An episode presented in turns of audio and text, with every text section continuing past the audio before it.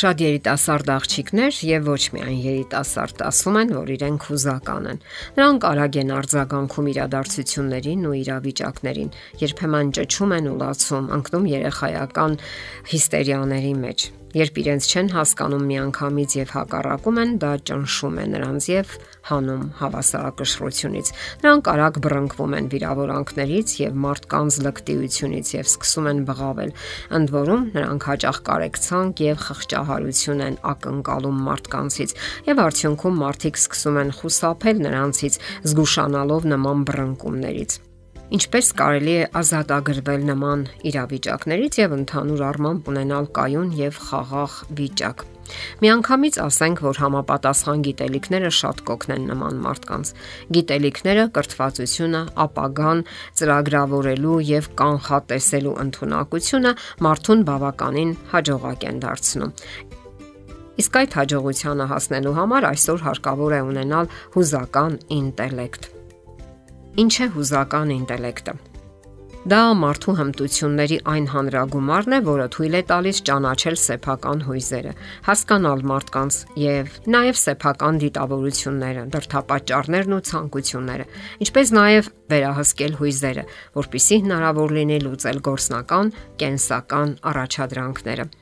Երբ մարդը չի կարողանում ղեկավարել իրեն, դա կարող է կապված լինել հուզական ցածր ինտելեկտի հետ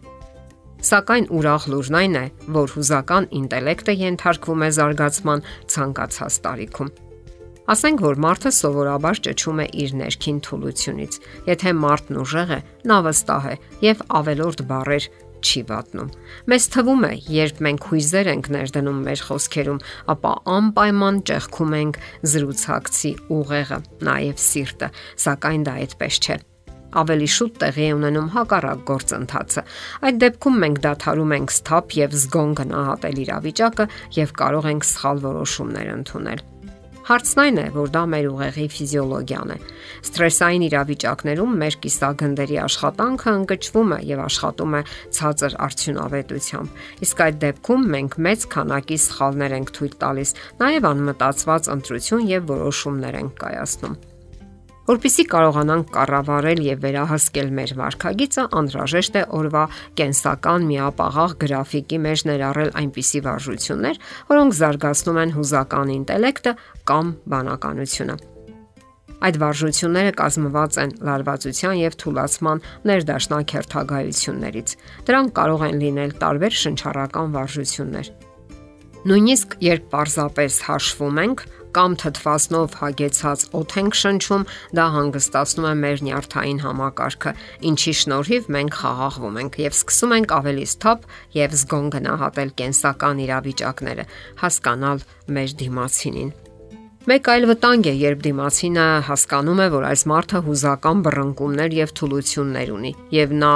արագ է դուրս գալիս հավասարակշռությունից եւ չի կարողանում վերահսկել իրեն եւ դիմացիները դա սկսում են օգտագործել մեր դեմ, որpիսի լուծեն իրենց հարցերը կամ անգամ բացահայտ կերպով ձեռնացություն անեն։ Սա կոչվում է չարամիտ ձեռնացություն եւ սովորաբար միակողմանի հաղթանակ է գրանցում։ Հաճախ դուք արթնանում եք առավոտյան եւ ցանկություն չունեք գնալ աշխատանքի։ Ինչն է պատճառը, պետք է ողրզեք, որpիսի դուրս գաք նման իրավիճակներից Հարկավոր է լուծել հիմնախնդիրը, հասկանալ պատճառը, այլ ոչ թե գնահատել ու տեսնել միայն ախտանշանները։ Հարկավոր է զգույշ լինել նաև այն իրավիճակներում, երբ մենք գիտակցելով դիմացիների հուզական թուլությունը կարող ենք անգիտակցաբար ինքներս էլ ձեռնացություն անել նրանց հետ։ Երբ մենք զինված ենք համապատասխան գիտելիքներով, դա թույլ է տալիս ազդել ուրիշների վրա, ինչը նույնպես սխալ է։ Այս դեպքում պետք է հիշել քաղաքավարության եւ հարգանքի կանոնների մասին եւ թույլ չտալ, որ դիմացինը հայտնվի հուզական բռնկումների եւ իր համար սխալ ընտրություններ կայացնելու իրավիճակում։ Գաղտնիք չէ նաև, որ մենք բոլորս ցանկանում ենք ունենալ հուզական վերելքներ, զգալ մեր կարևորությունը եւ ոչ քիչ դեպքերում հպարտանալ մեր ընտունակություններով, սակայն սրանք չպետք է դուրս գան բարոյականության սկզբունքների սահմաններից։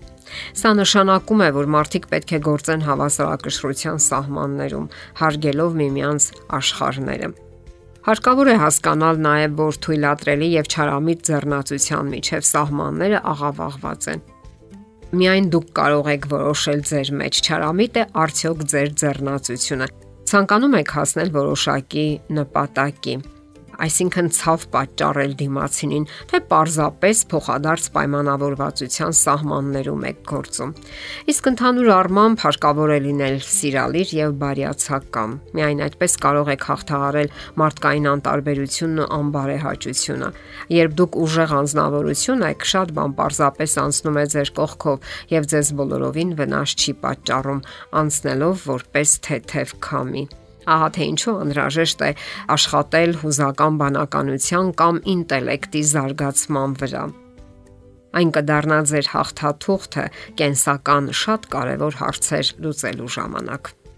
Եթերում է ճանապարհ երկուսով հաղորդաշարը։